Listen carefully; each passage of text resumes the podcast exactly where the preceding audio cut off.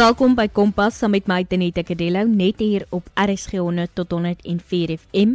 Jy kan ook inskakel op ons DStv audio kanaal 813 of inluister op ons webtuiste by rsg.co.za. In Finansie Kompas is 'n ou bekende terug en ons gesels oor tieners selfmoord en hoe ons dit kan verhoed.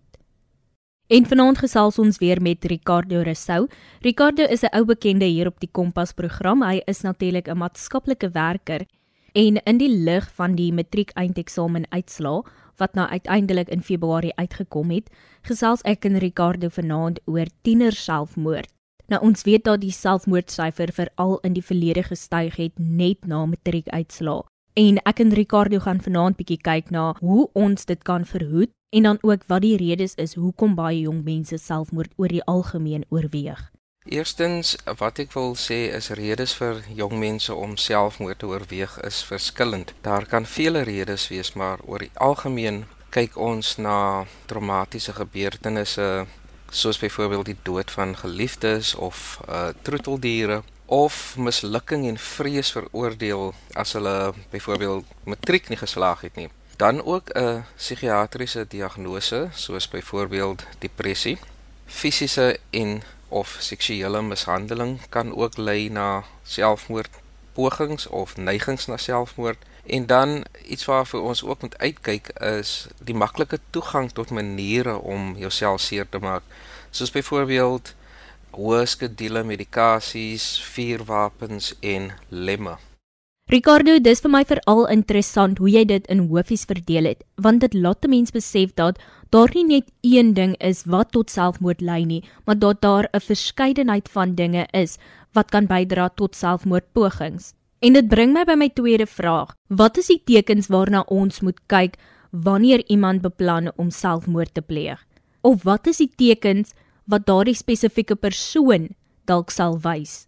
Ja, tenita tekens waarvoor ons moet uitkyk is ehm um, eerstens as 'n kind behep is met die dood. Byvoorbeeld as daar herhalende temas aan die dood of selfvernietiging in kunswerke of uh, in in skriftelike opdragte wat hulle van die skool af kry of as hulle uh, net oor die algemeen baie praat oor die dood en dan eh, as 'n kind nie helder kan dink nie, as hulle konsentrasieprobleme het in terme van die skool, as daar afnemende skoolprestasie is of 'n verhoogde afwesigheid van die skool en dan ook 'n uh, eh, veranderings in eetlus ehm um, slaappatrone en wanneer daar 'n hoër of ewe skielik net 'n gebruik van dwelms is.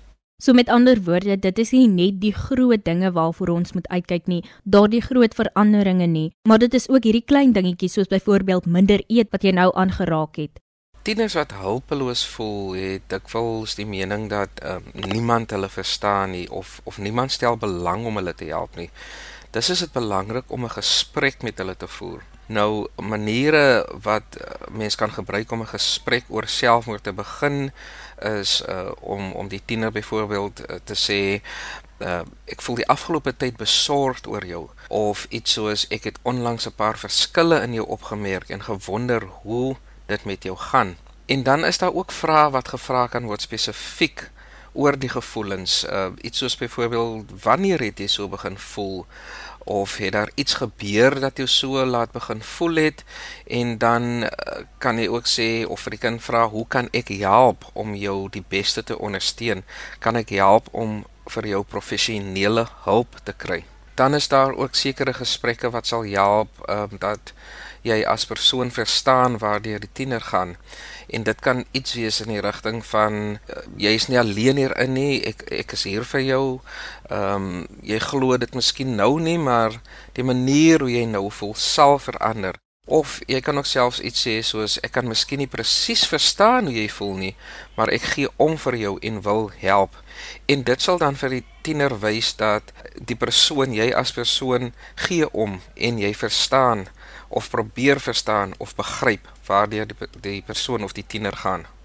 Jy luister nog steeds na Kompas op RSG 100 tot 104 FM saam met my Tenita Kedello en ons gesels met Ricardo Rousseau, 'n maatskaplike werker van The Homestead oor tiener selfmoord en hoe ons dit kan verhoed. Ricardo, dan wil ek bietjie gesels oor hoe ons tieners kan help en veral matrikulante om hierdie gevoel van magteloosheid en nikswerdheid af te skud? Tekens waar nou opgelet word uh is iets soos 'n intense hartseer of 'n hopeloosheid as daar nou nie enige rede is vir die hartseer nie. Uh tieners sal ook dan dikwels verlies daar sal verlies wees aan belangstelling in aktiwiteite wat voorheen saak gemaak het vir hulle soos uh as hulle byvoorbeeld gitaar speel uh sal hulle skielik dit nie meer wil doen nie of daaroor wil praat nie. Um groot teken is ook sosiale onttrekking uit die familie, uh, van 'n vriende of ander sosiale aktiwiteite. Dwelmmisbruik uh, wat ons reeds genoem het is ook 'n uh, 'n uh, 'n groot teken en dan slaapversteurings waar die uh, tiener te veel of te min slaap, soos byvoorbeeld heel nag wakker bly waar hulle gewoonlik regdeur die nag geslaap het. As hulle besittings begin weggee, is dit ook 'n uh, groot rooi lig wat na um, uitgekyk moet word en daar is oor die algemeen dan net gebrek aan energie soos uh waar die tiener byvoorbeeld um met huistakies gehelp het sal hulle letterlik nie die energie het om daarin deel te neem nie. Ricardo ek dink ons moet ook in ag neem dat ons jong mense asook tieners baie hardkoppig soms kan wees en nie wil praat nie en eerder verkies om ons eie probleme op te los. En ek dink dit is reeds hoekom dit so belangrik is om te weet dat dit oukei okay is om te praat met iemand oor dit, dat jou geestelike welstand ook belangrik is. Selfmoord verg dikwels intense beplanning. Daarom praat iemand uh, wat selfmoord beplan gewoonlik daaroor. En dit kan ook 'n noodkreet wees uh, waar sulke gesprekke altyd moet ernstig opgeneem word om met 'n tiener wat selfmoordneigings toon te praat, uh is dit eerstens altyd belangrik om nie die persoon daarvoor te blameer nie en ook glad nie enige veroordeling te wys of te praat oor in 'n veroordelende manier oor hoe die kind voel of oor selfmoord as 'n skandaal praat nie. En 'n ander belangrike punt wat jy aangeraak het is dat ons nie noodwendig dit direk hoef aan te spreek nie, maar dat ons maniere kan vind hoe om dit aan te spreek. Deur byvoorbeeld te sê, um ek het opgetel of ek het opgelet dat jy anders optree as verlede week byvoorbeeld of ek het opgelet dat jy minder eet of meer na 'n ander tipe musiek luister, hartseer musiek luister as wat jou gewone musieksmaak was behalwe die tekens waar ons voorheen gepraat het of wat ons genoem het soos verandering in slaappatrone en dwelmmisbruik, ehm um, is daar ook ander maniere waarop beplande selfmoord uitgebeeld word. Soos as daar gepraat word oor temas aan die dood, grafte, ehm um, die hemel of of hel, ehm um, moet ons ook uitkyk vir iets soos gesprekke met geliefdes asof hulle hulle nooit weer gaan sien nie. Soos as hulle byvoorbeeld 'n uh, familielid sien wat hulle lanklaas gesien het en afskeid neem van hulle na die besoek, uh vir hulle noem dat dit goed was om hulle te ken en dat hulle vir hulle baie beteken het, asof dit in die verlede is. En dan ook as hulle besittings begin weggee wat hulle baie waarde vol ehm um, wat baie waardevol vir hulle is. Uh dit is ook gewoonlik 'n teken dat ehm um, daar is iets wat beplan word waar hulle nie meer dit sal nodig het nie. So met ander woorde, daardie erkenning is regtig belangrik om te weet dat iemand sien jy verander en jy word raak gesien. Ricardo, dan wil ek oorbeweeg na my volgende vraag toe. Waarna sal jy sê moet ouers veral oplet na die eindeksamen en dan ook nadat die uitslae gekom het? Depressie is die gevolg weens 'n uh, chemiese wanbalans in die brein wat eintlik ondraaglike lyding vir die persoon kan veroorsaak. Dit kan byvoorbeeld daartoe lei dat die persoon nie die beskikbare opsies verstaan uh, wat hulle het om hulp te verkry om die lyding te verlig nie. Baie mense wat aan depressie ly, voel dat hulle nie die vermoë het om 'n gelukkige toekoms te hê nie of hulle onthou nie die verlede as gelukkig nie. Hulle besef dikwels nie dat hulle aan 'n behandelbare siekte ly nie. Emosies en selfs fisiese pyn kan dus dan ondraaglik vir hulle word. Hulle wil nie sterf gewoonlik nie, maar dit is die enigste manier waarop hulle voel dat die pyn sal eindig. Met ander woorde, selfmoord is 'n irrasionele keuse, maar kan voel dat dit die enigste uitweg is vir die persoon. Ricardo, 'n groot een wat vir my uitstaan hier is die sosiale onttrekking, want ons lewe in 'n tyd waar ons so geneig is dat jong mense sê ek gaan op 'n social break. Maar 'n week na daardie social break dan hoor jy daardie persoon het selfmoord gepleeg en dan is dit gewoonlik hierdie mense wat altyd so happy was, hulle het altyd geglimlag, hulle was the life of the party, soos hulle in Engels sê. Maar dan het hulle vir 'n social break gegaan en niemand het regtig daardie moeite gedoen om op te check op hulle en te vra maar hoekom hierdie social break nie. So ek dink dis regtig belangrik om net ook bietjie te kyk na hoekom 'n persoon skielik op 'n social break gaan. Mense dink dikwels aan depressie as net 'n tydelike lae gevoel wat iemand net kan afskud. Uh depressie is 'n chemiese wanbalans in die brein en dit word dus ontketen soos enige ander fisiese siekte soos diabetes of hipertensie. Deur openlik gesprekke in skole en in werksplekke oor depressie te hê, kan mense laat verstaan dat dit 'n behandelbare siekte is. Ricardo, dan is daar natuurlik 'n ding soos 'n mislukte selfmoordpoging. As iemand nie die eerste keer daarin geslaag het om selfmoord te pleeg nie en hulle is gerehabiliteer, wat is die kanse dat hulle weer selfmoord sal oorweeg? Iemand wat voorheen selfmoord oorweeg het, dra groter risiko om dit weer te oorweeg mits rehabilitasie en voorkoming deurgangs gedoen word. Dis is dit belangrik dat die persoon die hoofoorsaak, byvoorbeeld trauma deur die dood van 'n geliefde, moet aanspreek deur deurlopende terapie te ontvang. Ricardo, mense sal dink dat die antwoord nee sal wees en die persoon nie weer selfmoord sal oorweeg nie, maar dit wys jou net as die wortel van die probleem nie gevind word en terapie voorgestel word nie, kan dinge weer suid gaan en die persoon kan weer moontlik selfmoord probeer pleeg. En dit bring my by my volgende vraag. Um jong mense en tieners is onder baie druk. Dit is skoollewe, familielewe, sosiale lewe aan die ander kant.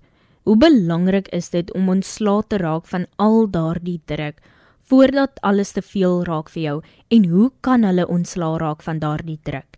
Ouers of geliefdes kan die kind aanmoedig om nuwe vriendskappe te begin en uh, aktiewe verbintenis met hulle vriende te behou. Um hierdie verband help hulle om 'n gevoel van behoort dat hulle behoort aan iets groter te ontwikkel. Tieners kan gehelp word om betekenisvolle verbintenisse met ander te bevorder deur 'n aktiewe lid van die skoolgemeenskap byvoorbeeld te wees uh, of 'n sportspan of in die breër gemeenskap ook vrywillige werk te doen en tyd te maak vir familie um, oor die algemeen. Die huisgesin kan byvoorbeeld 'n gereelde ete saam doen en die tiener aanmoedig om 'n vriend te bring uh, om saam te kom die familie ook te kom ontmoet.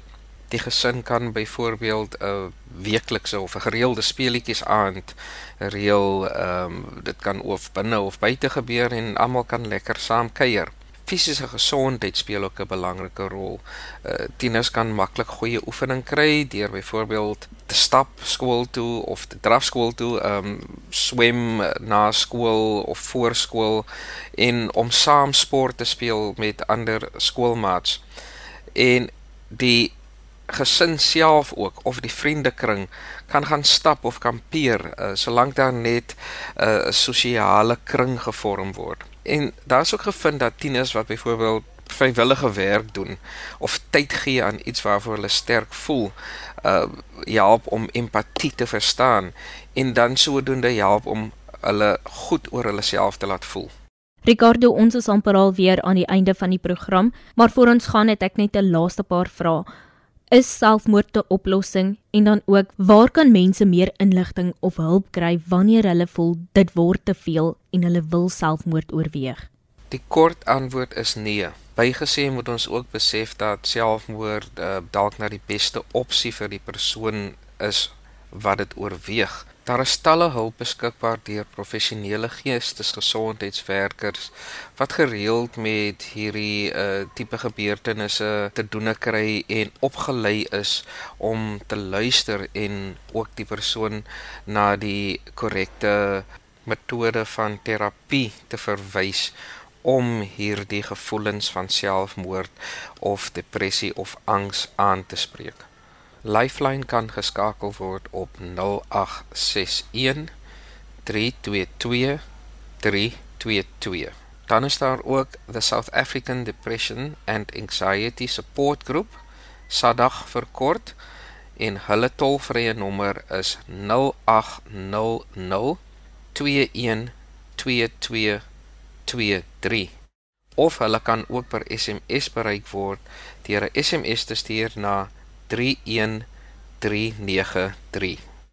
Baie dankie Ricardo dat jy saamgekyer het. Ricardo is 'n maatskaplike werker by The Homestead en ons het vanaand gesels oor tiener selfmoord en hoe ons dit kan verhoed.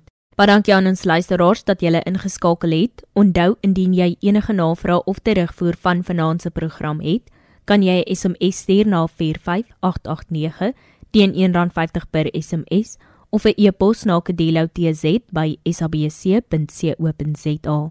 Jy kan ook ons potgooi skakel by rsg.co.za vorentoe skynstreepie potgooi besoek waar jy weer na die program kan luister of dit kan aflaai. Soek net onder K vir Kompas en daar het jy dit.